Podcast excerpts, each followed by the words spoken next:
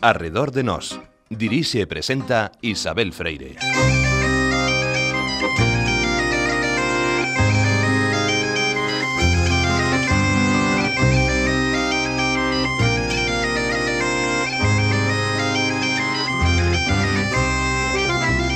Sofía Casanova, cronista de guerra. No hay victoria, no hay imperio o predominio de razas que justifique la destrucción del ser humano. Yo tengo que decir, ante todo, que aborrezco la guerra. Es un crimen de lesa civilización. El problema planteado por la guerra, como el complejísimo de la paz, es sencillamente un problema de ética.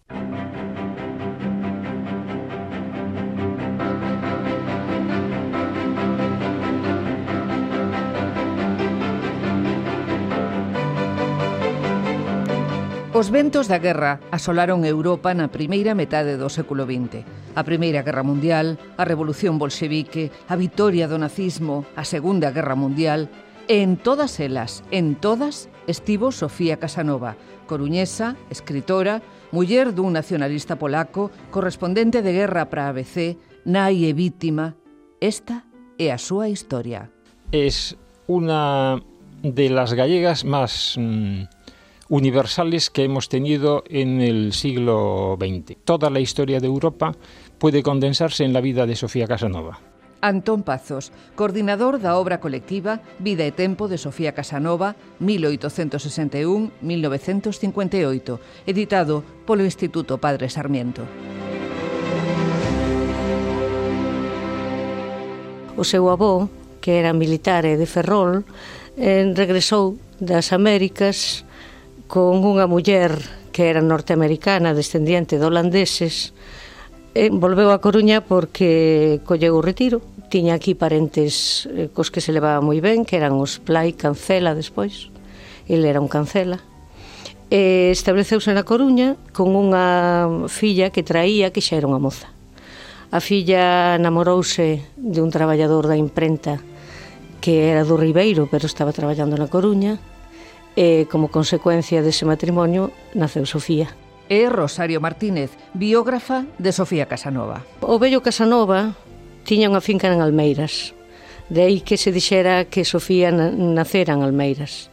Eu teño a proba de que Sofía polo menos de forma oficial, naceu na Coruña, o que é hoxe a Rúa de San Andrés no número 141. A data do nacemento de Sofía é o 30 de setembro de 1861, filla de Rosa Casanova e do estampador ourensán Vicente Pérez Eguía. Bueno, o pai de Sofía era moi bohemio. Os traballadores da imprenta do século XIX non eran somente eh, obreiros, era xente polo regular que tiña moitas inquedanzas culturales. E o pai de Sofía chegar aquí por conta do traballo E, bueno, incluso compuxera poesía que publicou o álbum de la Caridad, o que se publicou despois dos Xogos Florais. Seu pai protagoniza un extraño suceso. Comunica a súa familia que embarca para América, con tan mala sorte que o barco naufraga, pero o litógrafo Vicente Eguía non aparece na lista de pasaxeiros. Nunca máis volveron saber del. A familia, en situación económica apurada, recorre o avó Juan Casanova. Cando Sofía ten 12 anos, trasládanse a Madrid. O vello Casanova diríamos que pon en función as influencias dos seus parentes Pla para que estaban moi ben, moi ben situados eh, nos postos de influencia da restauración.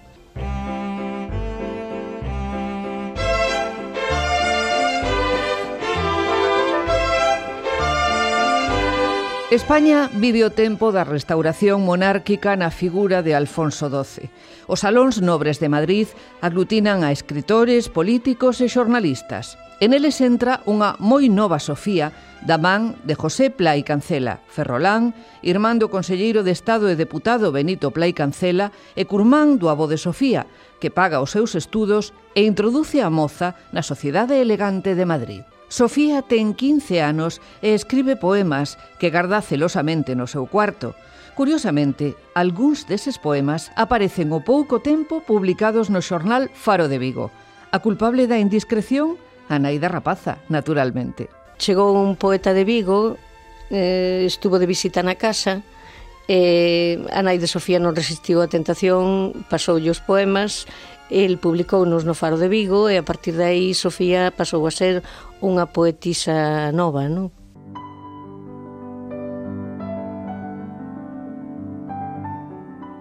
Gota de agua es la lágrima brillante que al nacer en los ojos evapora. Gota de agua es la perla de rocío que nace y muere la mañana hermosa. Gota de agua también es la perpetua gota que filtra y que la piedra orada, secreto de las rocas de granito, caliza filtración de la montaña. Gotas de agua las dos. Mas cuán distinta es la que nace y muere en un momento que aquella que entre rocas serpeando se petrifica y desafía el tiempo. Así también del alma soñadora brotan a veces fugitivas lágrimas que mueren a la luz de una sonrisa que evapora el calor de una esperanza. Y otras veces hay lágrimas que brotan y dejan en el alma para siempre estalactitas de dolor profundo que el tiempo agranda y que jamás perecen.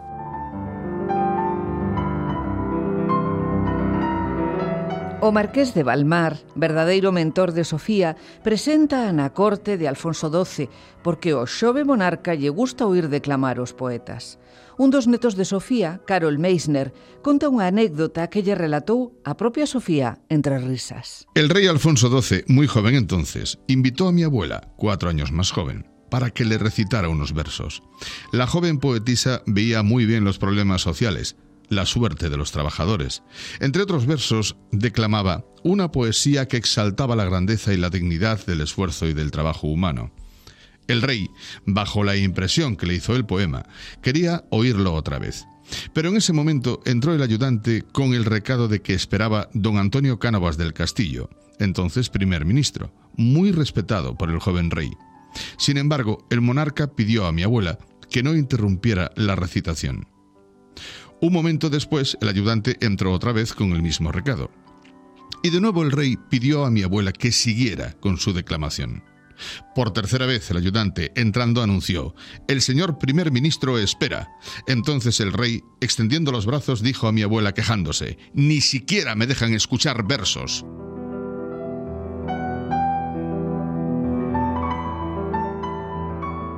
Era daquela a Sofía, unha rapaza loira, de mediana estatura, de liñas finas, espléndidos ollos verdes e aspecto distinguido. A súa tataraneta, Joana Kujasvinska, lembra sobre todo a mirada penetrante do retrato que aínda conserva a familia na casa de Poznan. Una persona moi distinguida, moi guapa, mirada penetrante. Y esa mirada la hemos heredado todos.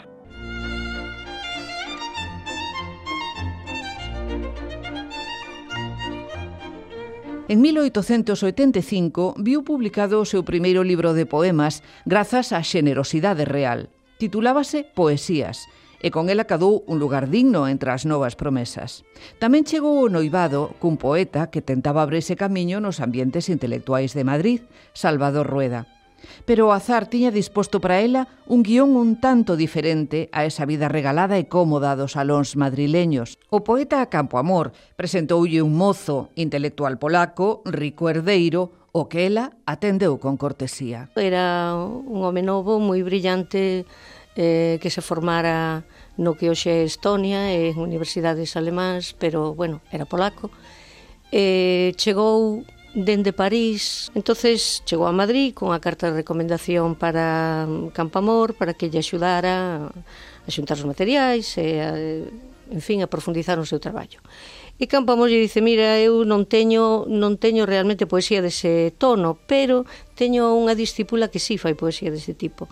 entonces eh, presentoulle a Sofía o Lutovlaski, que se chamaba Vincenti Lutovlaski, foi visitar a Sofía, Sofía aproveitou a visita para regalarlle un tomo do, do seu libro que acaba de salir, Poesías, chamas así, e a partir de aí pois, estableciu unha relación amorosa, sobre todo por parte do polaco.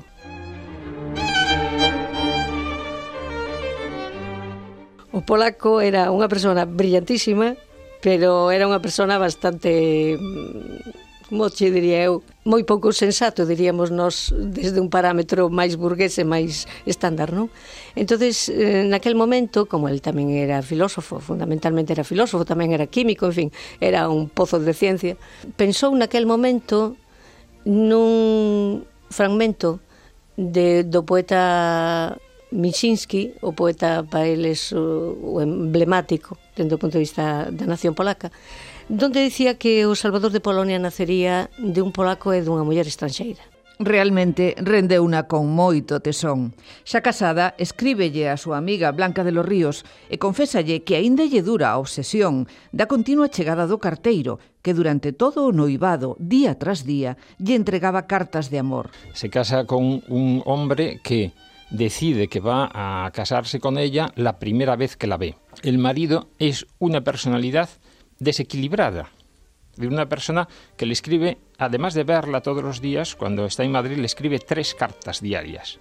Este hombre se casa con ella no porque estuviera enamorada, sino que se casa con ella porque cree que va a ser la madre, de acuerdo con un poema de Adam Mickiewicz, un poeta eh, polaco del siglo XIX, que eh, va a ser la madre del Redentor de Polonia. O ano seguinte de se coñeceren, casan na igrexa madrileña de San Marcos o 19 de marzo de 1887. A parella terá catro fillas, María, Isabela, Yadviga, que morrerá de disentería en 1895 sumindo a Sofía nunha forte depresión, e Jalina, que nace en Galicia. O feito de non ter fillos varóns parece que influiu no distanciamento e finalmente na separación da parella, porque Vincenti comezou a manter relacións con outras mulleres na procura do herdeiro do seu apelido. Despois da boda, o matrimonio instálase en Drosdovo, na propiedade familiar dos Lutos Lasky. A familia do seu marido vivía nunha finca enorme eh, en nunha, un lugar de Polonia do nordeste de Polonia que se chama Drozdovo. E claro, está no nordeste, polo tanto, bastante cerca de Bielorrusia e de toda a parte que vai dar a, a Rusia. A súa amiga Blanca de los Ríos descríbelle por carta a súa familia política e a súa maneira de vivir. Ya estoy instalada en Polonia. Me parecen un sueño mi boda, mis viajes, mi venida a esta casa donde nació mi marido. ¿Qué quieres que te cuente? Mi vida es tan plácida, tan serena, que a veces me da miedo hasta leer por el temor de que la lectura me aparte de la calma en que vive mi pensamiento, calma que yo necesitaba muchísimo. Doy largos paseos en coche, atravesando campos inmensos, con frecuencia sombreados por grandes selvas. Miro todas las tardes, pensando en mis cariños de España, el primer lucero que sale anunciando la noche, esa estrella que siempre ha sido mía, y estudio el polaco, Solo los hombres han inventado para no entenderse jamás una multitud de idiomas, para mí, y Dios me perdone, indiferentes. Los Lutoschaski, que es la familia de, con la que se casa Sofía Casanova, el marido eh, es un intelectual, pero el resto son eh, aristócratas, y ella va a vivir a un latifundio, digamos, eh, a la zona donde tienen las posesiones la familia, que es un microcosmos. En una gran área de cientos de hectáreas. Allí la familia tiene la casa, tiene los siervos que trabajan la tierra, los campesinos ya estaban liberados, pero eh, siguen trabajando las tierras y pertenecen a la familia. Tienen la iglesia, tienen el cementerio, es decir, tienen un mundo que es un mundo cerrado. En ese mundo cerrado, que no está en Polonia, digamos porque oficialmente Polonia no existe, ellos mantienen la tradición polaca, intentan educar a sus hijos en polaco y están esperando siempre, como en el caso de su marido que quería un redentor para Polonia, están esperando siempre la revitalización de Polonia.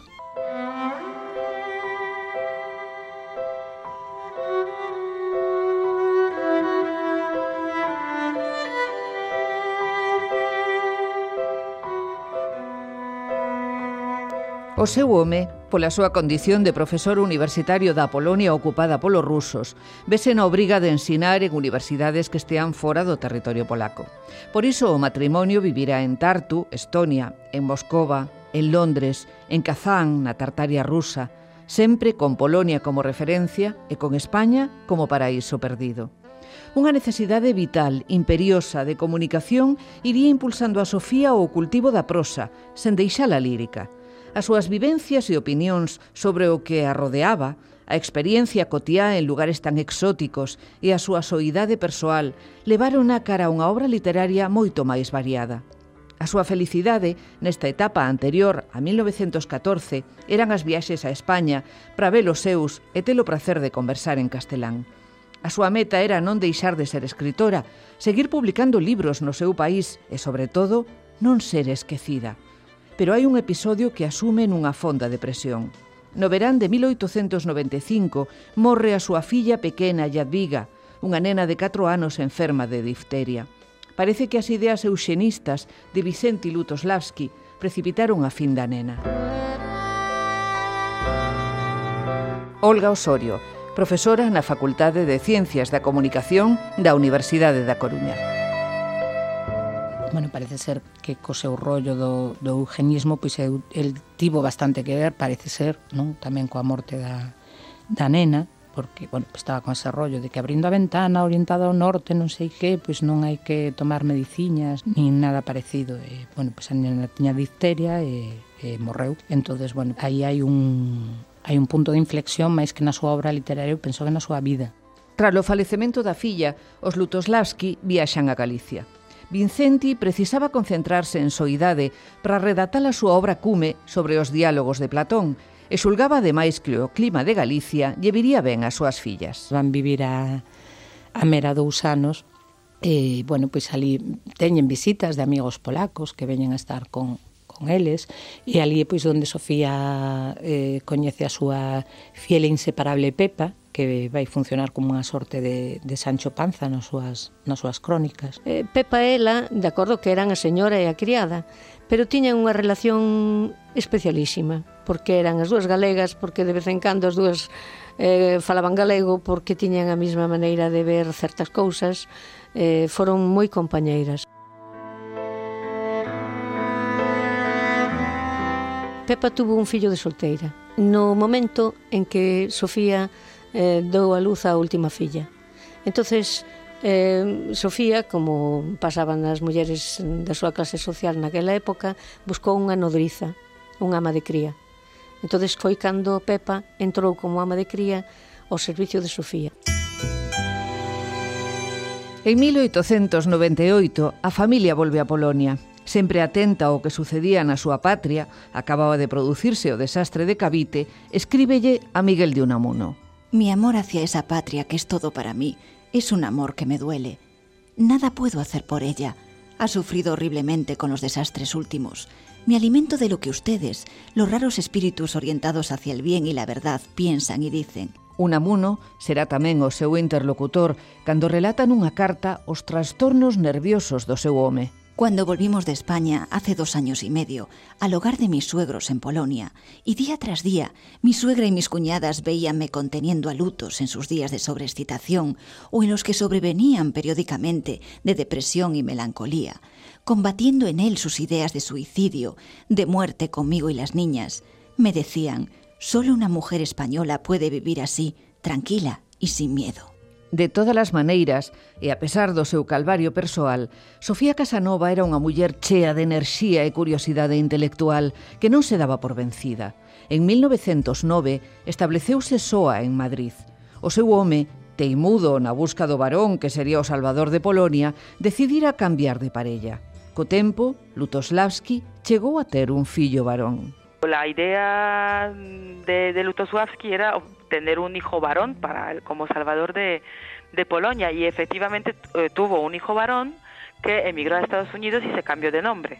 O sea, ha sido como un fracaso. Y yo me acuerdo de pequeña que este señor, Mr. Jordan, ha venido a visitarnos desde, desde Estados Unidos. Fue una cosa muy curiosa, me acuerdo porque me regaló un bolígrafo, que un bolígrafo con un reloj claro, en aquel momento en Polonia, en pleno comunismo, claro, tener, tener un reloj azul con, con un reloj digital, pues claro, era para una niña pequeña como un regalo de, del espacio. Y, y, me acuerdo de Mr. Jordan de, de aquella visita, que, vino a, a Poznań a visitarnos.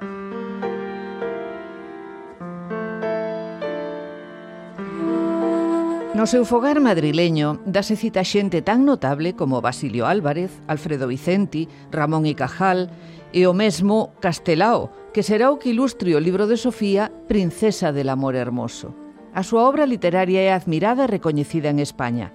En 1906 fora elixida membro da Real Academia Galega e en 1925 chega a barallarse o seu nome entre os candidatos españois ao Premio Nobel de Literatura. Hai que salientar que ata esa data xa escribira, ademais dos libros de poesía, varias novelas. El doutor Volsky, sobre el Volga helado, a xa citada Princesa del amor hermoso, e contos como El pecado e a comedia La madeja.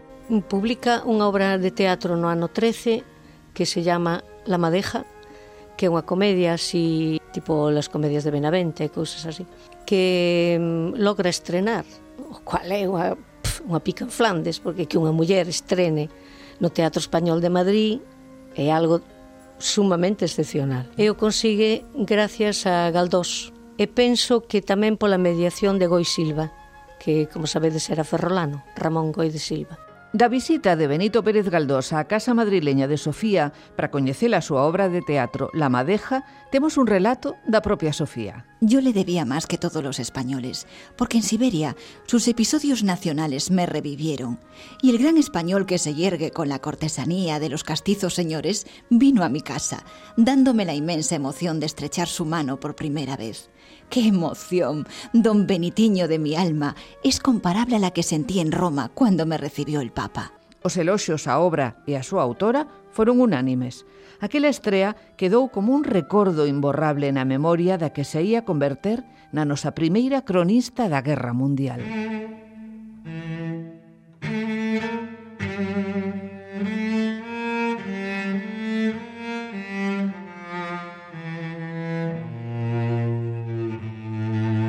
O 28 de xuño de 1914 produciuse un gravísimo incidente que puxo a Europa ao bordo da guerra.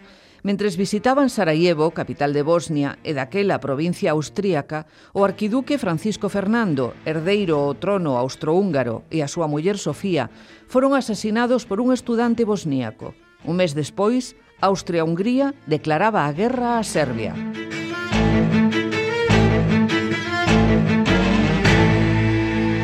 Ese verán, Sofía estaba en Madrid. Xa as cousas co home non iban moi ben no ano 13, entonces estaba en Madrid, pero eh, xa era boa, e nunca perdera o contacto con Polonia, porque ali tiña as fillas, entonces pois foi ver os netos e foi compartir cas fillas o verano. E claro, era o verano do 14 e como sabedes eh, xustamente eh, o fin do verano do 14 entran os alemáns por esa zona.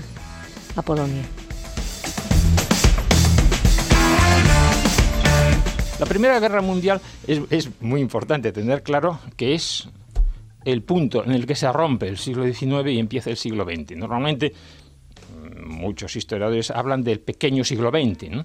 Es decir, el siglo XX es un siglo que empieza en 1914 y termina en 1989 con la caída del muro de Berlín. Es decir, es, es un siglo como muy estrecho. ¿eh? En ese siglo, la guerra eh, mundial primera es lo que transforma completamente un mundo que, eh, por ejemplo, Stefan Zweig en sus memorias dice que era un mundo de seguridad, un mundo tranquilo. Sofía era unha persona moi ben informada porque todos os seus cuñados e eh, o seu círculo eh, estaban metidos completamente na política polaca dentro do punto de vista do nacionalismo de dereita. entonces claro, cando este, estalla a guerra mm, todos mm, están na zona mm, de Rusia, do, do Imperio Ruso, e acatan ou polo menos aproveitan o chamamento do, nuque, do Gran Duque Likonás, do xefe dos exércitos do Zar, e se incorporan a causa dos aliados e, polo tanto, loitan a, en ese lado, non? Fuxindo dos combates e dunha Varsovia arrasada polos alemáns, produciuse a evacuación da poboación civil e o seu éxodo cara ao interior de Rusia. No medio dese río humano, Sofía e a súa familia chegan a Moscova o xornal madrileño ABC logra contratala para que informe os españois do que ocorre na fronte oriental. Sofía, deste o periódico, denunciará a utilización das armas químicas, as atrocidades cometidas e o que para ela é o maior crime da humanidade, a guerra mesma. Como tiña mm, amistades dentro do mundo periodístico, entre elas as de Alfredo Vicenti, por exemplo, pois xa buscan a maneira de de que as informacións de Sofía e a posición que ocupa Sofía geográfica, eh? xa non digo outra cousa, tamén era social e política, pero bueno, eh, en Polonia non fose non fose despreciada e fose aproveitada para traer información do frente oriental que non era nada fácil. Varsovia, xuño de 1915. Telefoneárome e velaquí estou ante un cadro horrendo recibimos 600 envenenados por os gases mortíferos e esperamos dentro dunha hora outros tantos. Este novo aspecto da guerra é máis terrível que os xa coñecidos. Atórdanos a nosa impotencia ante estes infelices que non sabemos, que non saben os médicos como curar. Puídose prever que os alemáns usarían aquí, como en Bélxica, esa arma maldita. Tosen, sangran, asfixianse estes desventurados e asistímolos con paliativos que angustia. Isto é máis terrível que o presenciado antes. O odio, o medo cara os despiadados inimigos crece. Parte hoxe o correo e envío estas liñas, pois non sei cando sairei daqui, nin cando podería rematalas. Conto é que Sofía, en vez de quedarse horrorizada ante a guerra, o que fai é mobilizarse. Mobilizarse como se mobilizaban as mulleres naquel sitio e naquel momento. Se convirte en enfermeira e está servindo eh, nun hospital de campaña que se fai, se improvisa nunha estación de tren. Nunha estación de tren porque hasta ali chegaban en tren os feridos do fren, da fronte. entonces ela ve aí todas as as crueldades e as bestialidades eh, fillas dunha guerra.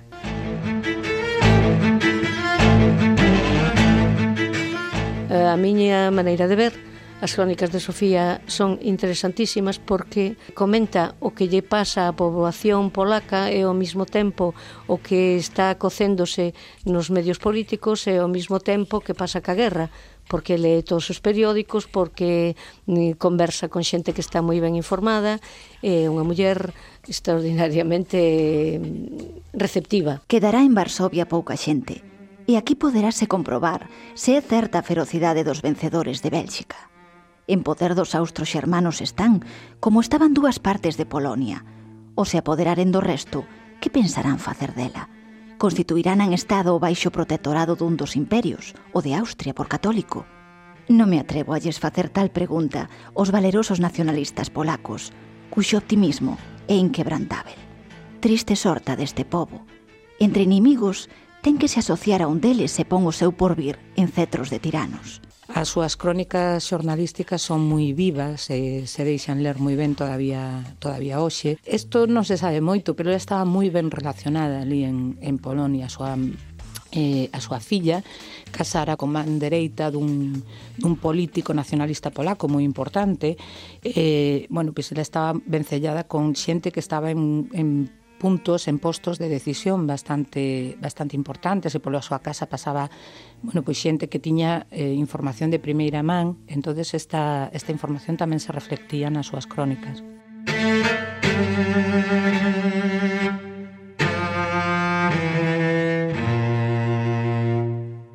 Hai que pensar que Lem a veces publicaba nas primeiras páxinas de ABC, donde iban pois plumas como a de Azorín, por exemplo, que escribía tamén nesa, nesas, eh, nese bloque de tres, catro páxinas que iban a partir da páxina 3, da 3 a 6, máis, máis ou menos, que eran crónicas longas sobre asuntos moi variados, literatura, eh, política europea, eh, bueno, o que fora, eh, política española tamén.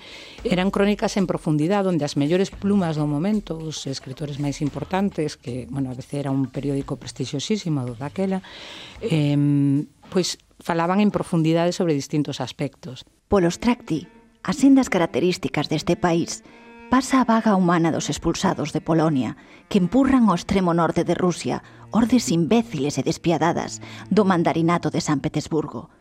Só coas bíblicas hecatombes ten comparanza esta. A complexidade, a mesma enormidade do desfile por selvas, vales e aldeas de tres millóns de desterrados, atordo cronista e impotente, olla, escoita e mudece, sen poder describir o que ve Só Dante daría narrado a magnitude desta traxedia de mil povos. Horas turbias do amañecer e do pleno día vin pasar centos de carriños aldeáns, cargados con restos de mísero enxoval salvado das chamas, un par de almofadas, algunha mesiña, caldeiro, pota, e botados entre eles nenos enfermos. A un e outro lado do cabalo, homes e mulleres que choran e que camiñan vacilantes.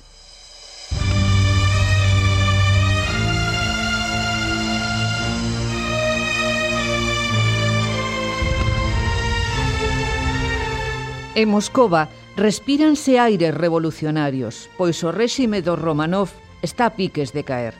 En 1916 trasládase a San Petersburgo e Sofía de novo está no mellor sitio para informar, aínda que en España creen que morreu, porque tras a crónica do falecemento de Rasputín, a censura rusa prohibira allí a comunicación co exterior.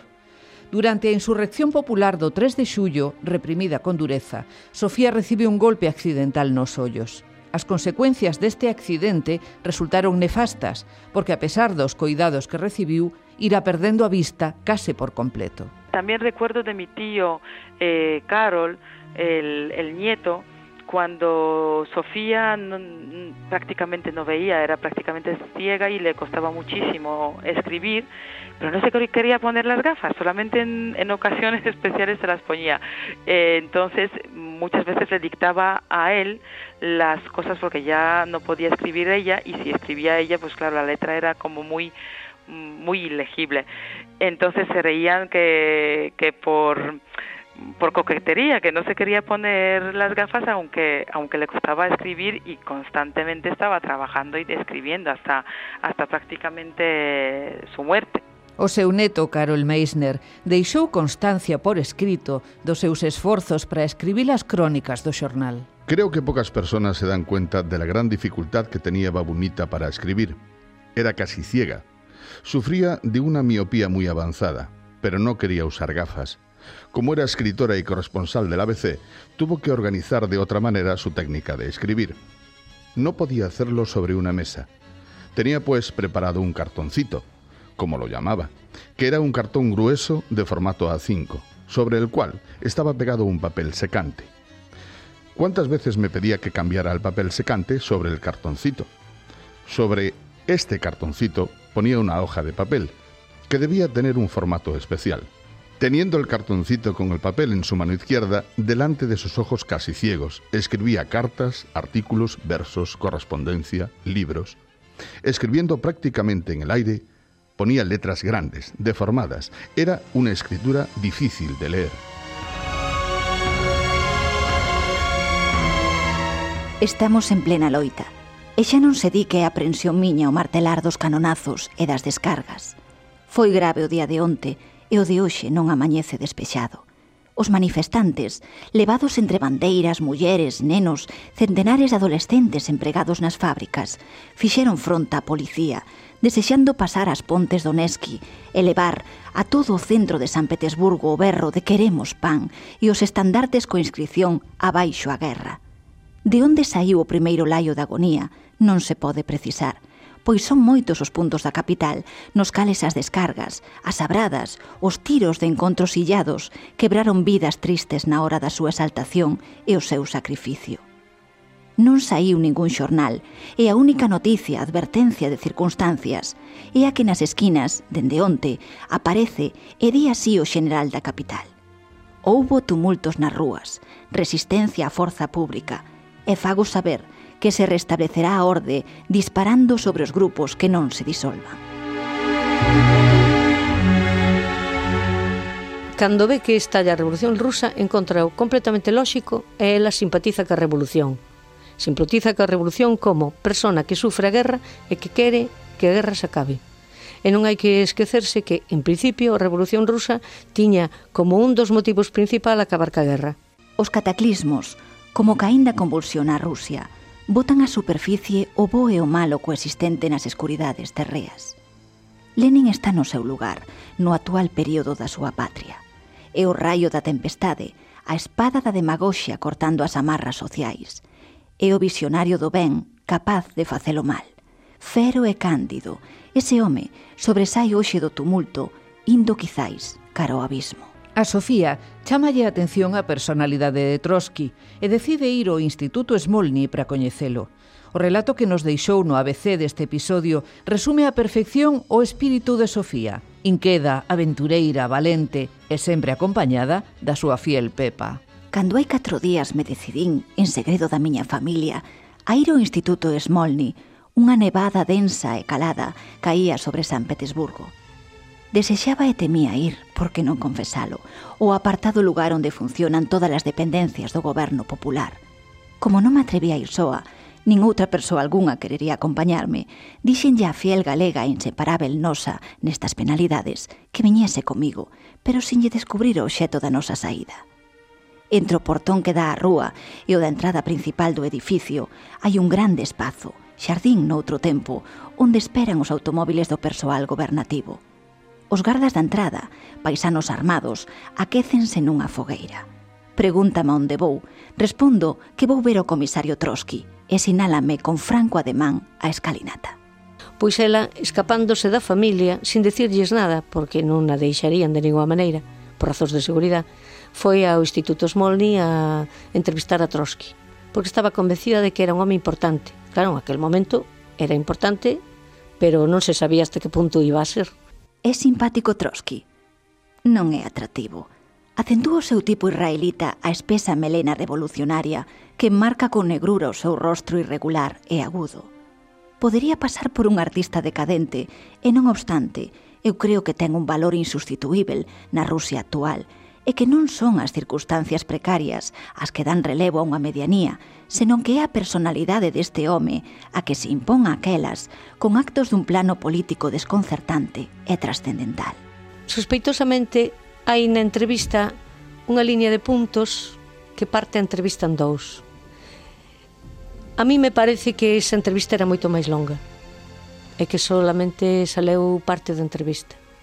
E posiblemente despois atando cabo por, cabos por outros escritos da Sofía, eh, posiblemente aí estaban as amenazas hacia España, amenazas entendidas dentro do punto de vista da expansión da revolución hacia España.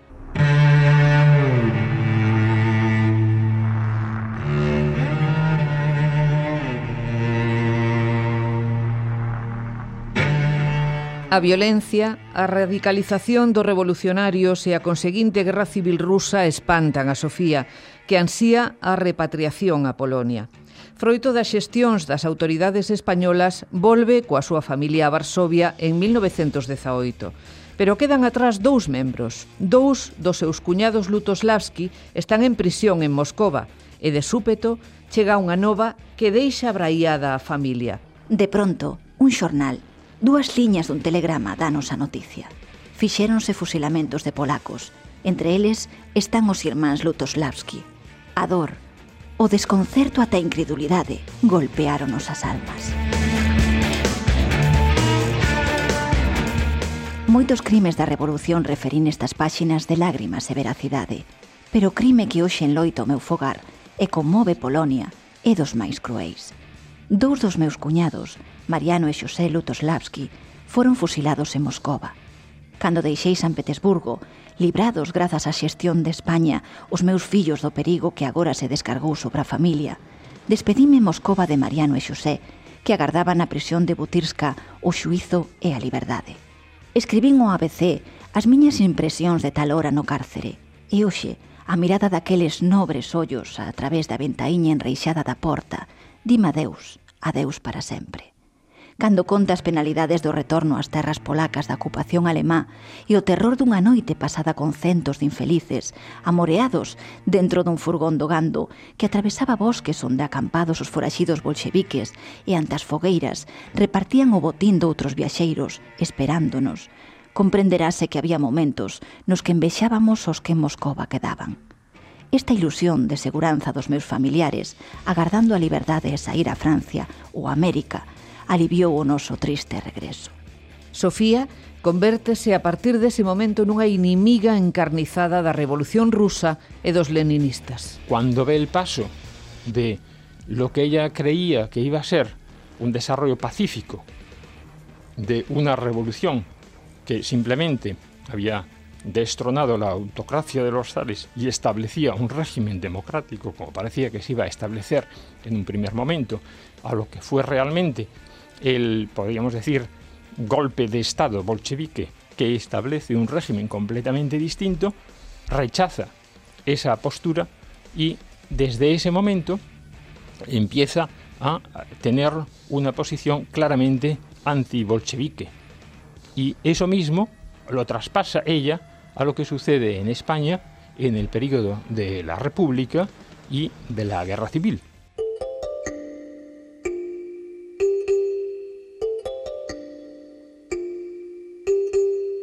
Mais aló do tempo de loito que vive a familia Lutoslavski, ábrese un espazo de esperanza para os polacos. Polonia fora recoñecida como Estado tralo Tratado de Brest-Litovsk. Cumpría agora dotala dos instrumentos necesarios para construílo e a influente familia Lutoslavski, que tanto loitara por ese ideal, formará parte dos centros de decisión. Sofía Casanova, unha vez máis, está no lugar e no momento axeitado para informar os españois de canto sucede ali. As crónicas de Sofía reflexan todo eso. O sea, para, para os polacos é, son interesantísimas, porque é un contar a historia dunha nación que está reflorecendo. E para os españoles é un contar a historia de un país do que se descoñece prácticamente todo. Hai que darse conta que para os lectores de España Polonia era un país que estaba moi alá e se confundía con Rusia e, e toda era unha mestura rusa cando nun tren militar aliado logrou regresar a España, acompañada por Pepa en 1919, a xornalista, moi popular polas súas continuas crónicas e polo seu azaroso destino, converteuse na estrela dunha contundente campaña antibolxevique que promoveu o nacionalcatolicismo. O bolxevismo é a peste da guerra e a loucura das masas a quen desmoralizou o continuo guerrear en terras e mares, baixos océanos e no ar, o bolchevismo, que é unha negación da orde da estabilidade constituídos, trae na súa picaraña demoledora a afirmación insolente de transformar o mundo e a outra, a suxestiva, a de xustiza e reivindicación dos oprimidos, que allea as masas sombrizas. O bolxevismo non é só perigoso porque troca a orde social, suprime as xerarquías, reparto capital, impón a tiranía do traballo manual obrigatorio a todos os cidadáns e dá a ditadura do poder ao proletariado inculto o argumento que efectúa os milagres da súa propagación, arrinca dunha triste verdade, o egoísmo individual ou colectivo dos poderosos, dos señores do mundo. A Coruña, a súa cidade natal, recibiu una como unha heroína. A recepción oficial e a conferencia tiveron lugar no Salón da Sociedade de Artesáns, ata onde chegou a escritora en lor de multitude, engalanados todos os balcóns. As sociedades e agrupacións coruñesas, especialmente os sindicatos das cigarreiras, esmeráronse en agasallala. As cigarreiras quixeron facerlle un homenaxe, quixeron facerlle un homenaxe, facerlle unha estatua pero pasado tempo, cando xa se iba a construir a estatua, ela escribiulles e lles dixo, mirade, vou comer a miña estatua. Eh, xa sei que non é moi glamuroso, pero é que non vos podedes ni imaginar a fame que estamos pasando aquí en Polonia. entonces eses cartiños que recollestes para facer a estatua, se mos mandades, comemos todos os días. Sempre correspondente do ABC en Polonia, traballadora incansable, case cega, continuou escribindo as súas crónicas, pero a escaseza de recursos non lle permitía visitar a miúdo o seu país.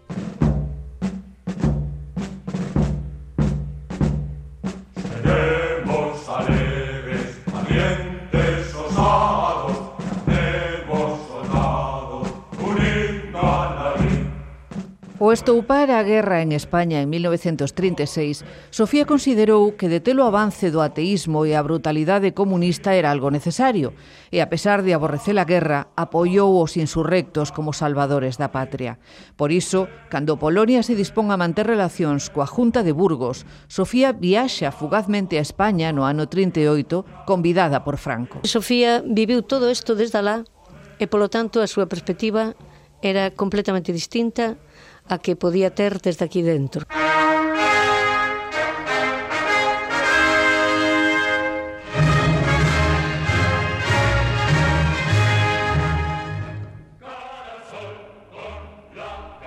E tendo a esperanza de que os novos líderes, tanto Hitler como Franco, podían evitar a traxedia que ela xa conocía de primeira man, apoiou a Franco decididamente. Non porque Franco lle entusiasmara nin o conocera, sino porque era o que podía evitar o outro que lle espantaba. Tiene ya escritos en época de la República en donde alerta del gran peligro que supondría para la democracia el desarrollo de lo que es el Partido Comunista dentro de España y la conquista del poder por parte de los comunistas en lo que era una república burguesa democrática. Y eso lo mantiene después durante la guerra civil considerando que lo que se está librando no es una batalla entre la democracia y el fascismo, sino que ella lo que ve es una batalla entre precisamente el bolchevismo, que estaría en el lado de la República, y eh, el mundo occidental, que estaría del lado del franquismo.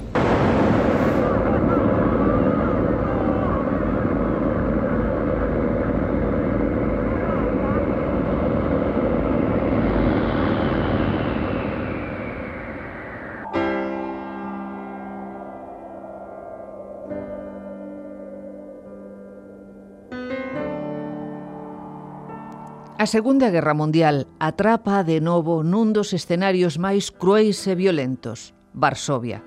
Refuxada nunha aldea veciña, ao regresar á cidade durante a ocupación nazi, pediu amparo ao goberno español e grazas á súa cartilla e as de Pepa e Jalina, as tres españolas, puido soster toda a familia dentro da precariedade xeral. Sofía Casanova durante la guerra apoya absolutamente la resistencia polaca contra los alemanes, pero eh, la apoya de una manera eh, que podríamos decir que incluso es arriesgada para ella. Por ejemplo, eh, cuando mm, la División Azul, es decir, eh, los soldados mm, voluntarios que van de España a luchar al lado de los alemanes contra Rusia, retroceden o están enfermos y pasan eh, por eh, Varsovia, por los eh, hospitales en donde puede visitarlos Sofía Casanova, o los nietos de Sofía Casanova, que hablan español, los atienden en cuanto españoles, pero si pueden, les roban la munición que podrían tener y que descuidadamente se dejan robar y se la pasan al ejército de resistencia polaco contra los alemanes. Aínda tentou establecer contacto co seu país e mandou dúas crónicas narrando o que podía contar sobre a ocupación alema, pero o ABC xa non lle interesaba aquel relato. Ela estaba agachada con Pepa, eran dúas ancianas xa, nun barrio de, de Varsovia e despois foron a, a, un, a unha casa nas aforas na aldea para poder sobrevivir. As súas fillas as agacharon para que non pasaran mal eh, por exemplo, o levantamento de, de Varsovia, ela o viviu ali agachada sin saber que pasara cas fillas, cos xenros, cos netos. Morreu un neto precisamente aí. E claro, aí, cando se dou conta quen era Hitler, como eran as tropas alemáns, que é o que estaban facendo, foi cando escribiu o ABC. Eh, nunca deixar de escribir e empezou a comentar o que había. Entón, a ABC lle mandou a carta dicindo que prescindía dos seus servicios. Rechaza por completo a los alemanes y de hecho eso es lo que hace que algunas de sus crónicas no fueran bien vistas en eh, la España del momento y que el diario a veces la rechace con gran dolor para ella. Porque como ella plantea siempre, yo lo que hago en mis crónicas es contar la realidad, no dulcificarla, sino decir tal como es. Y por lo tanto, en la Segunda Guerra Mundial lo que cuenta, evidentemente, puede ser desde el punto de vista de la España de los años 40 delicado y poco, podríamos decir, políticamente correcto.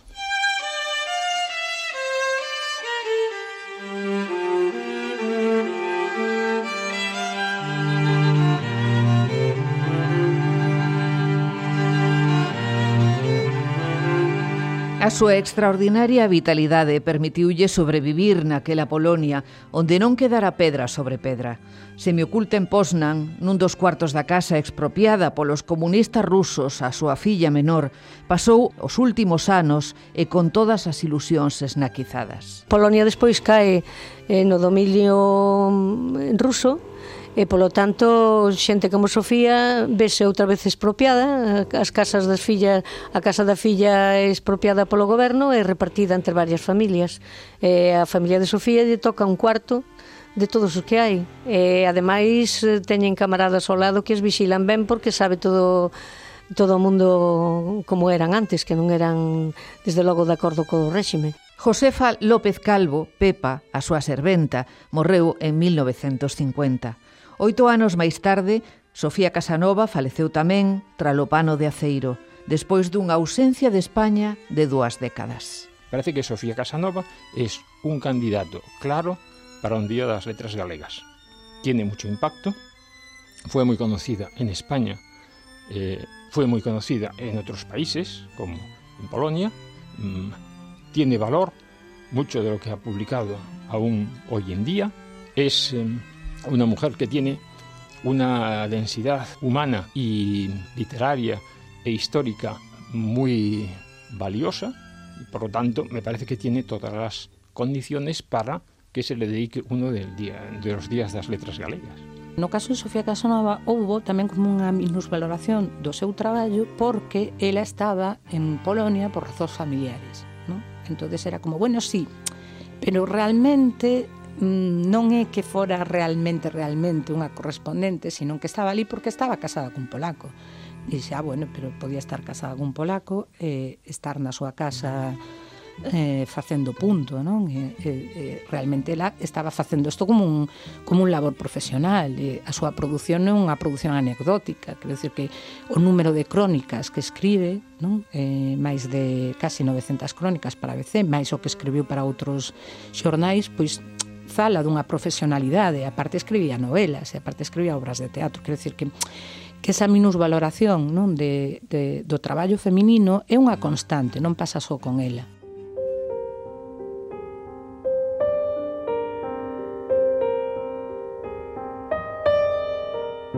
Falei cunha das súas netas, con Cristina Niklevich, en, en Polonia, no ano 99, xa era moi velliña, moi velliña. Ela se acordaba de que Sofía Casanova volvera de España con un montón de cintas, de lazos, de, de, dos, dos ramos de flores que lle regalaran que iban atados con os lazos de raso moi bonitos. Elles facía lazos ás netas cos cos lazos dos ramos que lle regalaran en, en España, o tempo claro que lles contaba, non? o momento glorioso non? de que lle regalaran todas esas flores, e todos esos homenaxes, e todos esos tributos que, bueno, a ela, aparte que lle encantaba. Mi madre tenía cuatro años cuando falleció Sofía, pero se acuerda perfectamente que las, eh, las mañanas de invierno, cuando se levantaba por la mañana, lo primero que hacía era correr rápidamente a la cama de mi, de mi tatarabuela, para, para acurrucarse al lado y que le daba calorcito.